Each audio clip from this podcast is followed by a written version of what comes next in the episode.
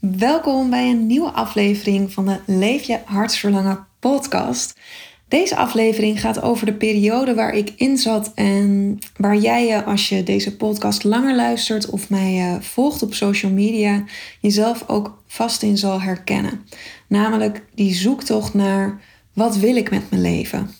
En je ervaart enorme onrust, je voelt dat ja, dat wat je nu doet eigenlijk niet echt past bij wie je bent. Of dat er in ieder geval veel meer in je zit.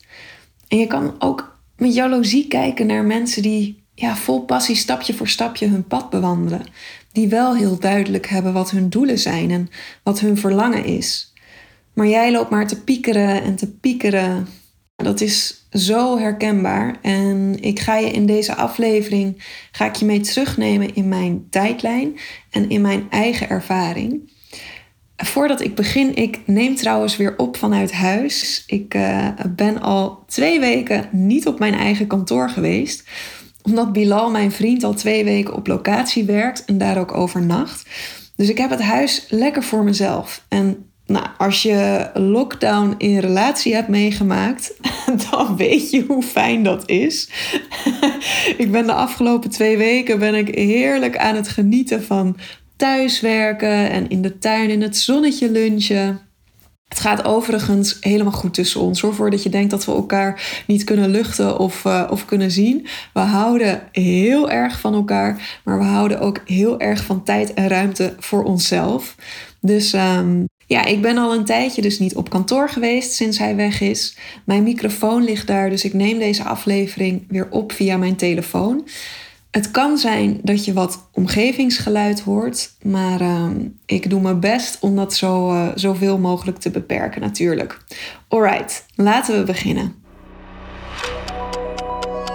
Welkom bij de Leef je hartsverlangen podcast. Mijn naam is Nanda van Aalst van Mijn Storyteller. Het is mijn grootste passie mensen te motiveren en inspireren om hun hart te volgen. In deze podcast neem ik je mee op weg naar verbinding maken met jouw hart. Ontdekken wat jouw diepste hartsverlangen is en wat er nodig is om te gaan leven en werken vanuit wie jij in de kern bent. Zodat je het leven kiest waar jij gelukkig van wordt.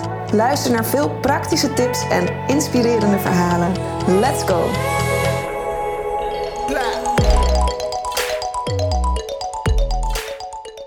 Toen ik aan de Nederlandse Filmacademie studeerde, vanaf 2010, toen merkte ik eigenlijk al dat ik iets deed ja, wat niet klopte. En hoe merkte ik dat dan? ik moest iemand zijn die ik niet was. En laat ik eerst nog even een uh, stukje terugspoelen. Ik denk sowieso dat mijn aanmelding voor die school en voor die opleiding, ja, dat is echt een keuze vanuit mijn hoofd geweest. Ik kwam net terug uit Zuid-Afrika en ik had daar bij een fantastisch filmproductiebedrijf stage gelopen. Ik zat toen in mijn uh, laatste jaar van de studie Media, Informatie en Communicatie. En ik liep stage bij twee broers die al hun hele leven samenwerkten aan de meest fantastische documentaires. En ze deden ook alles zelf: produceren, filmen, regisseren, monteren. Ze maakten documentaires voor National Geographic, ze maakten documentaires voor Animal Planet. En ze stonden heel dicht bij de natuur en de inheemse bevolking van Afrika. En ze hadden ook een half jaar in de bush doorgebracht, in de jungle doorgebracht met de inheemse stammen. En dan vertelden ze over hoe ze nou ja, dagenlang op jacht gingen zonder eten en zonder drinken. En wat ze aten, dat waren de beesten, die ze dan met nog pijl en boog schoten. Echt nog met van die kleine pijltjes waar dan ja, gif op gedaan werd. En dan schoten ze een beest en dan dronken ze het maagsap van die beesten. Nou, ik krijg er nog kippenvel van bij die gedachte. maar ja, het waren echt twee avonturiers. Super grote mannen met lange haren die heel dicht bij de meest pure vorm van leven stonden. In ja, in complete harmonie met de natuur. Een van de broers is uh, nu trouwens op Netflix te zien met de documentaire My Octopus Teacher. Heel erg mooie documentaire. En ja, voor mij toch ook wel uh, ja, heel bijzonder om iemand die een belangrijke rol in mijn leven heeft gehad, zo onverwachts, nou wat is het, elf jaar later op Netflix ineens voorbij te zien komen. En toen ik er stage liep, toen maakten ze trouwens een documentaire over krokodillen. Ze doken ook in de rivier in Botswana zonder kooi of bescherming om met krokodillen te zwemmen en hun gedrag en hun leefplek onder water te bestuderen. Tip voor jou, heb ik geleerd. Mocht je jezelf ooit in water met krokodillen begeven. Ik bedoel, je weet het nooit, hè? Zeg nooit nooit. Mocht je jezelf ooit in water met krokodillen begeven, zorg dan dat je niet naar de oppervlakte gaat, maar dat je echt je hele lichaam onder water brengt en de krokodil aan kan kijken, want dat schrikt ze af. Als je aan de oppervlakte bent, dan ben je prooi. Maar als je onder water bent, dan ben je gelijk en weten ze eigenlijk niet zo goed wat je bent, waardoor ze je met rust laten. Nou, zit je een podcast te luisteren over uh, hoe vind je de juiste richting en dan krijg je een tip. Wat moet je doen als je met een krokodil in het water ligt? Zoals je hoort, heeft, uh, heeft mijn leven flink wat gekke wendingen gehad voordat ik mijn eigen richting vond. Ja, ik had bij hun in uh, Zuid-Afrika had ik echt een droomstage. En dat was ook mijn allereerste aanraking met de filmwereld. En met de mensen die in de filmwereld werkten. En het was ook mijn allereerste aanraking met een andere levensstijl dan hoe we in veel landen ons leven leiden. Het draaide in Zuid-Afrika draaide het niet alleen maar om werken, werken, werken, werken. Mensen waren heel veel buiten en door de week ging je s'avonds na werk ging je naar het strand of je ging hiken. En als het op woensdag dan een keer lekker weer was om te kajakken, dan ging je kajakken in plaats van werken. En je hebt in Zuid-Afrika heb je natuurlijk ook het weer mee. En je hebt prachtige natuur om je heen. En het heeft mij ook heel veel moeite gekost om daarna weer te landen in Nederland. Ik, ik snapte er echt helemaal niets meer van eigenlijk. Hoe wij hier zijn ingesteld. Maar daar ga ik hier later in mijn verhaal ga ik hier ook nog eventjes op terugkomen. En ze hebben mij in Zuid-Afrika toen ook een uh, baan aangeboden. Maar ik moest nog terug naar Nederland om mijn scriptie af te schrijven. Ik denk trouwens nog wel eens na ook over ja, hoe zou mijn leven gelopen zijn als ik die baan geaccepteerd had. Zou ik dan nu nog steeds in, in Zuid-Afrika wonen? En ja, hoe, hoe zou ik dan wonen? Hoe zou ik dan leven? Dat was wel echt een moment in mijn leven waarin ik een keuze had te maken dat mijn leven 180 graden had kunnen veranderen. Zal jij vast ook wel gehad hebben, zulke soort momenten in je leven. Het is soms gek hè, om daarover na te denken van hoe zou mijn leven eruit hebben gezien als ik die keuze had gemaakt. Maar goed, ik heb de baan heb ik niet geaccepteerd. En toen zeiden ze, joh Nan, als je toch terug naar Nederland gaat, je bent nog hartstikke jong. Waarom meld je jezelf niet aan voor de Nederlandse Filmacademie? Want dan kun je meer gaan leren over filmmaken. En toen dacht ik, ja, weet je, waarom, waarom niet? Dus met deze bijzondere ervaring op zak en in mijn hoofd dat ik dan later ook zo'n avontuurlijk leven zou leiden en ja, zulke prachtige documentaires zou maken, zo kwam ik bij mijn keuze om aan de Nederlandse Filmacademie te studeren. Je hebt op de Filmacademie heb je zes verschillende richtingen waar je uit kan kiezen. Uh, productie, regie, scenario schrijven, camera, geluid en productiedesign. Dan hou je bezig met het bouwen van decors en kostuums. Ik ben niet naar een open dag gegaan. Ik heb alles op de website doorgelezen. De open dagen waren al geweest. Um, ja, en ik heb uiteindelijk heb ik de keuze voor productie gemaakt. Omdat ik dacht, ja, dit is denk ik het enige wat ik wel kan. Want ik ben goed in dingen regelen. Dus laat ik dan maar voor productie kiezen. Maar ik had nul ideeën bij wat het daadwerkelijk inhoudt om producent te zijn. En mijn aanmelding en de selectiedagen, daar heb ik mezelf dus ook volledig doorheen gebluft. Ik heb dingen gezegd die ik ergens had gelezen, maar die totaal niet uit mezelf kwamen. En nou, misschien herken je dat ook wel van sollicitatiegesprekken die je in het verleden gehad hebt. Waar je maar dingen gaat zeggen om in het plaatje te passen, zonder bij jezelf in te voelen: wil ik eigenlijk wel in dit plaatje passen? Nou, ik kon dus heel goed volgens het plaatje praten en ben aangenomen. En daarna in die vier jaar ben ik gaan ontdekken wat het dan betekende om filmproducent te zijn en in de Nederlandse filmwereld te werken. De Nederlandse filmwereld is niet te vergelijken met de Zuid-Afrikaanse filmwereld. Ben ik toen ook achtergekomen. En toen heb ik mezelf eigenlijk vier jaar lang voorgedaan als ja, iemand die ik niet was. Om je een voorbeeld te geven. Ik vind dat moeilijk, dat gevoel vind ik moeilijk te omschrijven. Van ja, hoe, hoe kun je jezelf dan voordoen als iemand die je niet bent? Maar ik probeerde, ik probeerde mezelf echt in een rol te passen. Om je een voorbeeld te geven, ik merkte al heel snel dat ik totaal geen filmfanaat was. We hadden veel les van uh, gastdocenten en standaard vroegen de docenten dan aan ons: wie is je favoriete regisseur en wat is je favoriete film en waarom? Leg dat eens uit. Nou, mijn favoriete film toen ik in mijn eerste jaar op de filmacademie zat, dat was, en ik maak geen grap, dat was The Titanic. Maar dan hoorde ik mijn klasgenoten, hoorde ik namen roepen als Woody Allen, de Coen Brothers, Quentin Tarantino, Hitchcock. En ik had daar nog nooit van gehoord. En ik wist ook dat als ik de Titanic noem, ja, dan word ik keihard uitgelachen, dan word ik niet meer serieus genomen.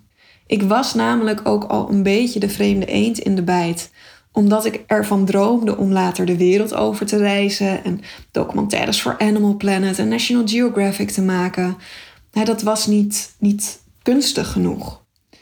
Dus ik ging mijn klasgenoten napraten en dan zei ik ook dingen als. Ja, Quentin Tarantino zijn films, die, die vind ik heel artistiek. En hij breekt met alle filmregels. Zoals hij de camera soms over de as laat gaan. Heel fascinerend. Echt heel fascinerend. Geen idee waar ik het over had nog nooit een film van de beste man gezien. Inmiddels wel, en is Quentin Tarantino inderdaad een van mijn favoriete regisseurs. Maar destijds, ja, ik, ik zei maar wat om binnen het plaatje te passen. En ook in mijn gedrag, ik voelde al heel snel dat ik vaak niet mee kon gaan in die hype. De hype van alles voor de film. Dat is echt een gouden regel binnen de filmwereld. Alles voor de film. En ik dacht vaak, ja, weet je, mensen, het, het is maar een film. We zijn geen, geen levens aan het redden. Doe eens rustig en, en doe eens normaal. En als een regisseur bij wijze van spreken tegen jou als producent zegt: Ik wil een poedel met zwarte stippen, want dat is belangrijk voor het verhaal. Ja, dan is het je taak als producent om nou, ten eerste te checken of die poedel met zwarte stippen binnen het budget past maar er ook voor te zorgen dat die poedel met zwarte stipper er komt. En sterker nog, producenten zien dat als een leuke uitdaging om het onmogelijke mogelijk te maken. Terwijl ik dacht dan, steek die poedel met zwarte stippen in je en neem lekker een labrador. I don't care. maar dat kon ik niet zeggen. Dat, dat voelde ik wel diep van binnen. Maar zo kon ik natuurlijk niet handelen. Dus dan ging ik braaf als ambitieuze producent die ik was, op zoek naar een poedel met zwarte stippen. Waarvoor je dan vaak toch ook een beetje over lijken moest gaan om zoiets voor elkaar te krijgen. En wat heel erg tegen mijn normen en waarden inging. En wat me ook heel veel energie kostte. En waarbij ik niet die drive van excitement voelde om het onmogelijke mogelijk te maken. Ik dacht alleen maar: waarom is er geen Labrador in het script geschreven? Want dat had mijn leven zoveel makkelijker gemaakt. Nou ja, dat is natuurlijk niet de juiste instelling voor een producent. Nou, en zo heb ik tientallen voorbeelden van hoe ik mezelf vier jaar lang heb voorgedaan als de gedreven, gemotiveerde, ambitieuze producent. Uh, ik heb zelfs de prijs voor beste documentaire van de VPRO gewonnen, samen met mijn crew. En ik probeerde mezelf dus continu te spiegelen aan wat ik om me heen zag. En daar had ik blijkbaar succes mee. Maar diep van binnen voelde ik hele andere dingen. En zat ik ook in een wereld waarbij ik eigenlijk dacht: wat, ja, wat gebeurt hier? Ik heb mensen schreeuwend en, en scheldend voor mijn neus gehad vanwege een film. En daar kon ik echt niet bij. Ik kan daar eigenlijk eerlijk gezegd, ik kan daar nog steeds niet bij. En ik wilde daar ook niet in meegaan, in, in die sfeer. Het was niet hoe ik mijn toekomst in de film voor me zag. Moet ik trouwens overigens wel bij zeggen dat de ervaring die ik heb gehad Dat is natuurlijk lang niet zo op iedere filmset. En dat is lang niet zo voor iedere documentaire of iedere crew waar je mee samenwerkt. En er zijn ook heel veel positieve ervaringen die je kan hebben. Ik denk zelf dat de Filmacademie een hele grote vinger in de pap heeft gehad om zo'n toxic omgeving te creëren. Er komt nu ook steeds meer naar buiten hè, over kunstopleidingen en, en de heftige omstandigheden die je daar tegenkomt. Misschien heb je in het nieuws ook de berichten over het, uh, over het Amfi meegekregen. Nou, de Filmacademie heeft daar ook zeker trekjes van en stimuleert die concurrentiestrijd ook enorm let niet echt goed op de, ja, op de mentale gezondheid van, van de studenten. Terwijl er wordt heel veel van je gevraagd op zo'n opleiding. En dagen van 16 uur of langer, die zijn geen uitzondering. Ook veel psychische problemen die er ontstonden. Hè, psychische problemen, dat, dat was ook geen uitzondering op die, uh, op die school. Dus nou, om het netjes te verwoorden, ruimte voor verbetering. Er is ruimte voor verbetering. Maar goed, dit was even een uitstapje. Maar dit alles bij elkaar opgeteld, alles wat ik hiervoor vertelde, dat heeft me uiteindelijk doen besluiten om niet meer in de filmwereld te werken. Want je houdt het niet eeuwig vol om jezelf voor te doen als iemand die je niet bent. En jezelf bezig te houden met dingen die je eigenlijk niet interesseren. Maar dan begint je hoofd overuren te maken. Want wat dan? Ik heb hiervoor gestudeerd en een dure studie ook. Een heel erg specifieke studie. Je denkt dan ook nog heel erg vanuit het systeem. Hè? Je moet een baan van, van 36, 40 uur vinden waarvoor je hebt gestudeerd. Want er zijn geen andere mogelijkheden. Ik zag in die tijd, ik zag ook geen andere mogelijkheden. En ik voelde die druk. Ik moet zo snel mogelijk weer aan het werk. Ik moet laten zien dat ik geen loser ben. Ik moet laten zien dat ik niet faal, maar dat ik de juiste keuze heb gemaakt om te stoppen. En dat ik nu gewoon weer doorga. Dat ik nu mijn leven weer oppak, mijn huur betaal. Dat ik daar, dat, dat verloopt allemaal vlekkeloos. dat stoppen met die filmacademie, dat heeft daar geen invloed op. Dus ik ben toen binnen twee weken, terwijl ik eigenlijk met een lichte burn-out uit de filmwereld ben gestapt, ben ik binnen twee weken ben ik ingegaan op een aanbod om co-founder te worden van een health café, een yoga studio en een fairtrade winkel. En dat was een aanbod waar ik oprecht heel enthousiast over was. Want ja, hoe te gek is het als je zoiets helemaal from scratch op mag bouwen en hoe leerzaam ook. Maar eigenlijk ben ik ook hier zonder enige voorbereiding ingedoken en heb ik er niet bij stilgestaan wat dat dan betekent. Heb ik niet voor mezelf gevoeld, past dit echt bij mij? En nog belangrijker, past de persoon die mij dit aanbod doet, past die bij mij? Voelt dat goed? Wat, wat wil ik eigenlijk? Hoe zie ik mijn leven voor me? Wat vind ik belangrijk in mijn leven? Allemaal vragen die ik mezelf niet stelde. Nou, tegelijkertijd met dit proces was ik ook begonnen als host bij een yoga studio. En dat was na de heftige filmwereld, was dat voor mij echt een verademing. Want er kwamen heel veel rustige mensen, heel veel zachtaardige mensen, heel veel relaxte mensen voorbij. Nou, dat was echt wel eventjes een verschil met de wereld waar ik uitkwam. En daardoor had ik al wel iets meer het gevoel: oh, oké, dit, ja, dit zijn wel mensen die ik graag om me heen heb. Dit is een, een sfeer waar ik graag in wil werken. Ja, dit, dit vind ik fijn om in zo'n rustige omgeving, zonder echte werkdruk, zonder continu die stress, om op zo'n manier mijn werk te kunnen doen. Ik had daarnaast had ik ook mijn Reiki en Pranic Healing certificaat gehaald. En ik was ook begonnen met mensen bij mij thuis behandelen. En ik speelde ook met de gedachte om dan mijn eigen Reiki-praktijk te beginnen. En ik speelde met de gedachte om yogadocent te worden en een yogaopleiding erbij te doen. Maar tegelijkertijd was ik ook al betrokken in dat proces om dat health café op te zetten. En die yoga studio en die fairtrade winkel. Dus nou eigenlijk zag ik het wel voor me dat als dat eenmaal stond, dat ik daar dan misschien ook mijn yogales kon geven. Dat ik daar dan ook mijn reiki uh, treatments kon geven. Zo had ik dat plan in mijn hoofd. Ik heb namelijk wel altijd het gevoel gehad dat ik veel meer in me had. Dat ik meer talenten had. Dat ik meer kon dan wat ik bij een baan in loondienst zou kunnen doen. En dat ik daar dus ook mijn, mijn eigen weg in had te vinden. En mijn, mijn eigen regels ook daarvoor had te bedenken. Maar ik was heel erg op zoek naar wat kan ik dan doen? Wat is het dan wat mij hier te doen staat? Wat is het wat echt bij mij past? En dat ondernemerschap, dat zat al wel ergens te kriebelen. Terwijl, ja, helemaal, ik heb helemaal geen, geen mensen om me heen die, uh, die ondernemen. Maar bijvoorbeeld het oprichten van dat Health Café en die yoga studio en die Fairtrade winkel, dat sprak me heel erg aan, omdat we daar de vrijheid hadden om alles zelf te bepalen. En volgens onze eigen regels kwam dit bedrijf tot stand. En dat gevoel van ja, self-ownership, niet in opdracht van of volgens de regels van of ja, continu moeten terugkoppelen aan manager X en directie Y. Die vrijheid, dat sprak me heel erg aan. Het gaat er namelijk om dat er een rode draad in al mijn plannen te vinden was. Als je geen idee hebt welke richting je op wilt, blijf dan vooral even luisteren. Want daarom dat ik je mijn weg vertel, daarom dat ik je nu zo uitgebreid vertel over al mijn plannen die ik ooit gehad heb.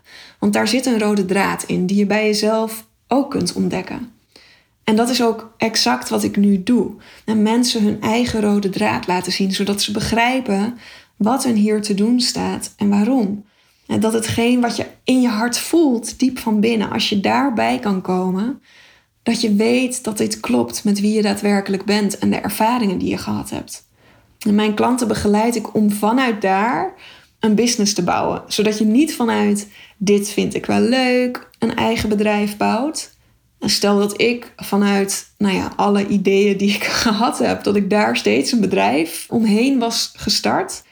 Nou, dat, dat, dan had ik heel veel bedrijven gehad. Dan dat had me heel veel energie gekost. Uh, en dan was ik er continu achter gekomen: oh nee, dit is het toch niet. Nee, dit is het toch niet. Maar het is mijn missie om jou te helpen jouw eigen rode draad, jouw purpose te vinden.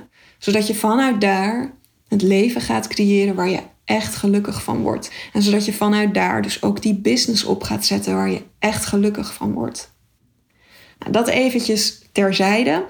In het co-founder zijn, daar liep ik al snel tegen allerlei verschillende hobbels aan. Daar zal ik nu niet over uitweiden, maar het kwam erop neer dat ik opnieuw, net als in de filmwereld, super lange dagen maakte. Ik werkte zeven dagen per week. En toen het bedrijf eenmaal was opgezet, dit was ook heel interessant om bij mezelf te merken. Toen het bedrijf eenmaal was opgezet en liep, interesseerden de werkzaamheden me eigenlijk niet meer. Het opzetten van het bedrijf, dat vond ik fantastisch. En daar zat al mijn energie en al mijn enthousiasme in. Maar het draaiende houden en de routineklussen waar je dan in terechtkomt, dat vond ik eigenlijk helemaal niet leuk. En dat voelde al snel als een sleur. Dus ja, ik bevond me opnieuw in een positie waarbij ik dacht: ja, is dit het nou? Dit is niet hoe ik mijn leven voor me zie. Dit is niet iets wat bij mij past. Ik voelde dat het aan alle kanten ging schuren. Maar uiteindelijk ben ik ook daar gestopt. En toen bevond ik me wel echt eventjes in een, uh, ja, in een diepdal. Want hetgeen waarvoor ik gestudeerd had, dat wilde ik niet meer doen, want dat paste niet bij me. Hetgeen wat ik daarna ben gaan doen, wat ook echt een unieke kans was. Daar ben ik na anderhalf jaar ben ik daar ook mee gestopt, want daar kwam ik ook achter. Dit past niet bij me. Dit is niet wat mij gelukkig maakt. Ja, en om je heen zie je vrienden steady in hun carrière zitten. Je ziet ze stappen maken richting een huis kopen, een auto kopen. En voor mij voelde het alsof ik weer terug bij af was. En tegelijkertijd wist ik ook, ik kan niet anders. Ik heb deze keuze te maken om te stoppen. Ik kan niet iets doen waar ik niet gelukkig van word. Dus ik heb mijn zoektocht te vervolgen. Naar wat is het dan wel? Dus toen heb ik besloten om mezelf wel die belangrijke vragen te gaan stellen. Wat wil ik nou echt? Hoe zie ik mijn leven voor me? Hoe wil ik mij voelen? Nou, daar kwam toen uit dat ik geen stress meer wilde ervaren. Dat ik ergens wilde wonen waar de zon scheen en waar ik lekker yoga kon doen en veel kon surfen. Iets wat ik in die eh, tussentijd ook ontdekt had en echt fan van was geworden. En ik wilde gewoon heel graag weg uit Nederland. Weg uit die rat race, weg van het proberen mee te gaan in het systeem. Ik had daar gewoon geen zin meer in. Daar had ik eigenlijk al geen zin meer in toen ik terugkwam vanuit Zuid-Afrika. Toen voelde ik al, dit, dit klopt niet meer voor mij. Dus nou, uiteindelijk heb ik besloten om vanuit mijn hart een keuze te gaan maken. En die keuze heeft mij toen uiteindelijk in India gebracht. En daar heb ik voor een surf- en yoga resort gewerkt. En door die keuze begon ik heel sterk te voelen waar mijn behoefte en mijn verlangen lag. Ik had ontzettend veel behoefte aan vrijheid. Ik verlangde naar locatie-onafhankelijk werken, want het standaard leven zoals het geleefd wordt in veel landen, ja, dat vond ik gewoon niet leuk. Ik had ook behoefte aan eigen verantwoording, eigen keuzes kunnen maken. En ik wilde vooral ook in een omgeving werken waar ik mezelf kon zijn. En voor mij werd het toen heel duidelijk dat ik zelfstandig moest worden. In India had ik ehm, mijn liefde voor schrijven en persoonlijke verhalen ook herontdekt. Ik hield ook een uh, blog bij. Ik was bezig met het opzetten eh, van een eigen website. En eenmaal in Nederland was ik. Ja, toen ik terugkwam in Nederland na dat half jaar was ik heel ontspannen en had ik er 100% vertrouwen in dat het goed zou komen. Ik wist nog niet zo goed hoe of, of wat en wat ik, wat ik dan zou gaan doen. Ik wist ook niet of ik wel in Nederland wilde blijven. Ik moest na dat half jaar terug, want mijn ticket stond geboekt en het toeristenseizoen in India was afgelopen. Mijn opa lag ook op sterven, dus daar wilde ik heel graag afscheid van nemen. Maar eenmaal terug lag voor mij alles open. En voelde ik me ook veel dichter bij mezelf staan dan ooit tevoren. Ik ben toen als freelancer gaan werken. Ik ben in de marketing voor dansgezelschappen ben ik terechtgekomen nul ervaring mee. Maar ik had een heel erg leuke klik met uh, de choreograaf en de zakelijk leider van een hip-hop dansgezelschap. En dat is een heel erg goede keuze geweest. Ik heb, denk ik, nog nooit zoveel gelachen als in die twee jaar. Ik heb mijn vriend Bilal eraan overgehouden, want hij danste destijds bij dat gezelschap. Ik heb er dierbare vrienden aan overgehouden en vooral heel veel dierbare herinneringen. En tegelijkertijd ben ik ook begonnen met het opzetten van mijn eigen bedrijf als storyteller. Die freelance klus om de marketing te gaan doen voor dansgezelschappen, dat bood mij genoeg inkomen, dat bood mij genoeg stabiliteit om daarnaast mezelf ook bezig te kunnen houden met het opzetten van mijn eigen bedrijf. En ik kan me nog heel goed een moment uit die periode herinneren dat ik zat in het theater en ik was bij de repetities aan het kijken. En zoals gewoonlijk werd er, er werd heel veel, er werd altijd gewoon heel veel lol gemaakt, heel veel gelachen. Ik kon ook 100% mezelf zijn bij die dansers en bij de choreografen, bij, ja, bij de technici, de zakelijk leider. We deelden eigenlijk alles met elkaar. Je hoefde jezelf niet anders voor te doen dan hoe je jezelf voelde op die dag. Het was zo'n warm bad en zo'n fantastisch team van mensen. En ik zat daar in het, uh, in het theater met mijn laptop op schoot. Ik was wat dingetjes aan het doen voor de marketing. Ik was, ondertussen was ik af en toe aan het meekijken, aan het meeluisteren. Ik wist, ik kan thuis werken wanneer ik dat wil. Ik kan vanuit het theater werken wanneer ik dat wil. Tegelijkertijd had ik ook mijn eerste klanten voor mijn eigen bedrijf. En ik voelde me zo gelukkig. Echt zo intens gelukkig. En zo dankbaar. Ik kan dat moment kan ik me nog zo goed voor de geest halen. Dat, ja, dat gevoel van geluk, dat, dat stroomde echt door mijn hele lichaam heen. En ik zat daar met een grote glimlach op mijn gezicht. En gewoon puur aan het genieten van waar ik op dat moment stond in mijn leven. Deze manier van werken, deze omgeving, de vrijheid, de sfeer, het tegelijkertijd ook mijn eigen ding kunnen doen, dat paste 100% bij mij. Uiteindelijk ging het ook zo goed met mijn eigen bedrijf dat ik uh, kon stoppen met uh, het freelance werk voor het dansgezelschap. En daar zijn echt nog wel wat tranen aan vooraf gegaan. Ehm, dat, was, ja, dat was geen makkelijke beslissing om, uh, om te maken. Want ik wist, ik neem afscheid van iets wat ik ook heel erg leuk vind om te doen. Maar ik wist ook, het is tijd om verder te gaan. Het is tijd om nu door te pakken en die stappen voor mezelf te gaan maken. Ik werkte in eerste instantie voor mijn eigen bedrijf als tekstschrijver. Maar ik ben me al heel snel gaan focussen op het persoonlijk verhaal van ondernemers. Want ik merkte dat ik super geïnteresseerd was in ja, hoe leven anderen hun leven? Wat hebben ze meegemaakt? Hoe zijn ze geworden wie ze zijn? Waarom doen mensen wat ze doen? En om die input te verzamelen, daar begon ik ook al snel mijn eigen manier voor te vinden. Want ik merkte dat als ik één op één met mensen zat om over hun levensverhaal te praten en te, te praten over, goh, wat, wat heeft jou gebracht bij wat je nu doet? Dan waren mensen heel snel geneigd om vanuit het hoofd hun verhaal aan mij te vertellen. En dan krijg je een soort en toen en toen en toen en toen verhaal. En ik dacht, ja, maar dat is niet, dat is niet hoe je bij de kern komt. Dat is niet hoe je die laag dieper zakt. Dus toen ben ik begonnen met het geven van korte reiki-behandelingen. Dus bij iedere sessie gaf ik mensen eerst een reiki-behandeling, zodat ze uit hun hoofd kwamen, in hun hart zakten, zich meer ontspannen voelden. Dat er ook gelijk een vertrouwensband tussen mij en de klant ontstond. En daarna gingen we dan het levensverhaal doorlopen.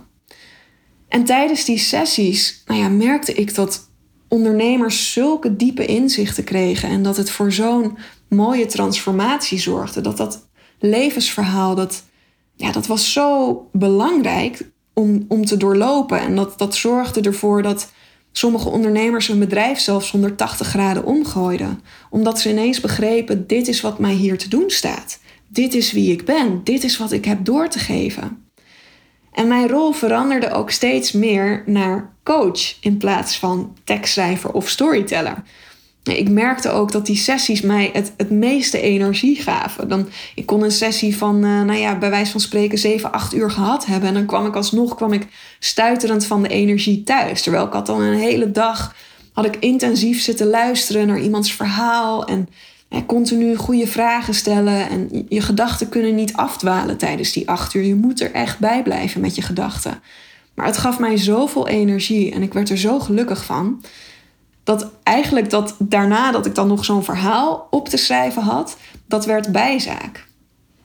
En die sessies en wat ik daarin bereikte met mensen, ja, dat liet me echt, dat, dat liet me stralen. En dat gaf me zoveel plezier en zoveel energie. Want ik zag dat ik mensen bij hun purpose bracht. Dat wat ik deed tijdens zo'n sessie, dat dat het purpose blootlegde. Dat ik daarmee het purpose ontrafelde van de ondernemer of van de persoon die ik voor me had. En dat is magisch. Dat is, dat is magisch om mee te maken. Dat gevoel van plezier en energie, dat ben ik gaan volgen. En daar is uiteindelijk mijn huidige bedrijf uitgekomen. Dus wat is nou de rode draad? Nou, de reden waarom ik interesse had in de filmacademie dat was omdat ik heel graag documentaires wilde maken. En het liefst ook het leven laten zien van inheemse stammen. Want ik heb een fascinatie voor hoe doen anderen dat? Hoe leven anderen hun leven? Waarom doen mensen wat ze doen?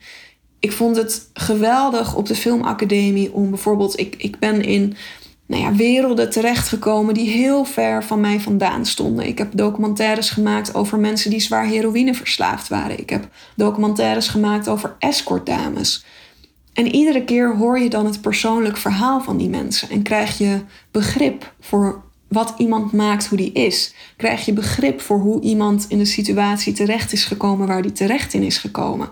En ik luisterde ontzettend graag naar die persoonlijke verhalen. Dus dat is wat mij heel erg aansprak aan het filmmaken. Daarnaast hou ik me ook bezig met persoonlijke en spirituele ontwikkeling en heb ik zelf een bijzondere reis van het hoofd naar het hart afgelegd. Ben ik nog steeds altijd bezig met in mijn hart komen. En de wens om mensen te helpen, dat kwam toen heel erg naar voren toen ik mijn Reiki en Pranic Healing certificaat haalde. Ik heb toen tientallen mensen bij mij thuis en op festivals behandeld voor niets. Ik vroeg daar geen vergoeding voor, want mijn vergoeding was dat ik anderen rust kon geven. Dat ik andere mensen uit hun hoofd naar hun hart kon brengen. En ik zag wat dat deed en ik zag hoe, ja, hoe blij ik mensen daarmee kon maken. En dat, dat maakte mij ook blij. Dat maakte mij ook gelukkig. Dus dat was voor mij voldoende. En dat ik voor mezelf moest beginnen en niet meer in loondienst wilde werken. Ja, dat zaadje werd natuurlijk al geplant toen ik stopte in de filmwereld. Die zoektocht is vanaf dat moment begonnen. Eigenlijk is dat zaadje al.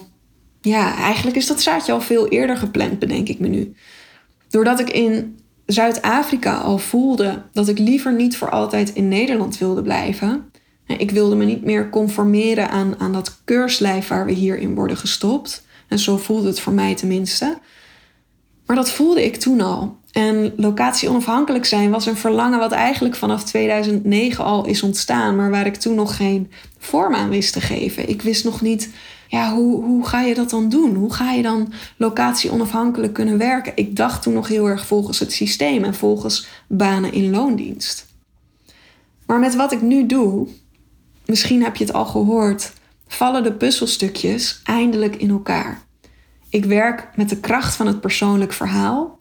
Ik werk hè, met dat levensverhaal van mensen. En daar komen mega bijzondere dingen uit. En daar, daarin heb ik zelf ook een, een cursus narratief coachen ingevolgd. Uh, zodat ik nog meer kan leren hoe kun je nou met dat levensverhaal, hoe kun je bij de meest belangrijke stukken komen en hoe kun je echt de diepte ingaan. Dus ik werk met de kracht van het persoonlijk verhaal. Ik werk ook met de kracht van het hart om ambitieuze vrouwen bij hun purpose te brengen. En in mijn traject combineer ik alles wat ik zelf op het vlak van persoonlijke en spirituele ontwikkeling heb geleerd. En waar ik zelf ook echt iets aan heb gehad om voor mezelf te durven kiezen. Om mijn eigen pad te durven bewandelen. Om mijn eigen hart te volgen. En daarnaast heb ik een onwijze passie voor ondernemen ontwikkeld. En begeleid ik vrouwen om vanuit purpose hun eigen business op te zetten. En daarin herken ik dus ook weer heel erg dat stuk wat ik heb ervaren toen ik co-founder was.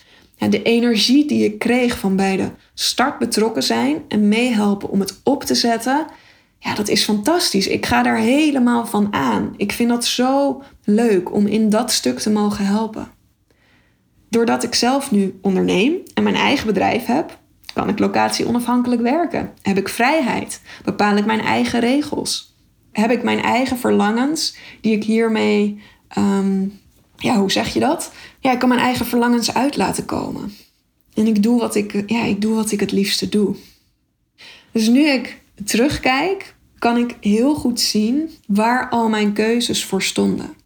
Waarom ik die keuze maakte, wat ik daar hoopte te vinden en waar ik eigenlijk naar op zoek was. En dit is ook wat ik met mensen doe als ik door hun levensverhaal ga. We kijken naar de keuzes die je gemaakt hebt. We kijken naar wat zegt dit over jou? Wat ligt daaronder? Want dingen overkomen je niet zomaar. Nee, keuzes maak je niet zomaar. Er ligt altijd iets onder. Dus als jij je nu in diezelfde positie bevindt als waar ik me ooit in bevond, je weet dat er zoveel meer in je zit, je voelt het verlangen om je eigen pad te bewandelen, maar je weet niet hoe je daar uiting aan kan geven. Je zit midden in die zoektocht. Weet dan ook dat je het niet alleen hoeft te doen. Want het is echt, het is zo fijn om daar, ja, om daar hulp voor in te schakelen. Jij zit nu op dit moment vooral vast in je hoofd. Ik kon, ik kon dit toen ik er middenin zat, kon ik dit ook niet zien en bedenken. Dat dit het mocht zijn. Ik kon die connectie niet zien dat alle keuzes die ik gemaakt had eigenlijk heel logisch waren. En dat daar een, een hartsverlangen en een richting in zat. Dat zag ik, dat zag ik niet. Voor mij leek het alsof er geen touw aan vast te knopen was. Alsof ik echt van links naar rechts schoot en nou ja, totaal geen logische stappen zette. Maar toen ik terug ging kijken en echt mijn levensverhaal ging onderzoeken, zag ik dat het allemaal heel erg logische stappen waren. En dat het iedere keer een verlangen weer spiegelde. Ik hoop dat ik je kan inspireren met mijn verhaal. Dat je hierdoor ook het vertrouwen krijgt dat ook voor jou de puzzelstukjes in elkaar zullen vallen. En dat de keuzes die je hebt gemaakt, dat er tot nu toe geen foute keuzes zijn geweest. Er zijn geen foute keuzes. Het is je zoektocht naar wat jou gelukkig maakt. En in iedere keuze ligt een verlangen verstopt. Maar blijf niet struggelen in je zoektocht. Zoek iemand die jou daarbij kan begeleiden, die niet in jouw hoofd vastzit. Dat is het belangrijkste. Nou, laat me vooral even weten of je hier iets aan hebt gehad, want dat vind ik super leuk om te horen en dat motiveert mij ook om dit soort afleveringen te blijven maken. En mocht je denken, die hulp, ja, die zou inderdaad fijn zijn. Ik help je natuurlijk super graag. Je kan mij een berichtje sturen via Instagram. Je kan mij vinden via @mijnstoryteller, mijn bedrijfsnaam @mijnstoryteller. Je mag me ook mailen. Dat kan naar nanda@mijnstoryteller.nl. Je vindt de gegevens ook in de show notes. Ehm, ja, dus mocht je hulp kunnen gebruiken, voel je vrij om een kennismaking met mij in te plannen. Ik vind het altijd leuk om kennis te maken. En nou ja, je weet dat ik graag naar verhalen luister. dus ik luister heel graag naar jouw verhaal, naar waar jij nu staat. En ja, ik hoop je dan wat richting en helderheid te kunnen geven. Volgende week ben ik er weer met een nieuwe aflevering. Ik wens je voor nu wens ik je een ontzettend mooie dag toe. Of slaap lekker als je dit s'avonds hebt geluisterd. En ja, tot snel. Doei doei!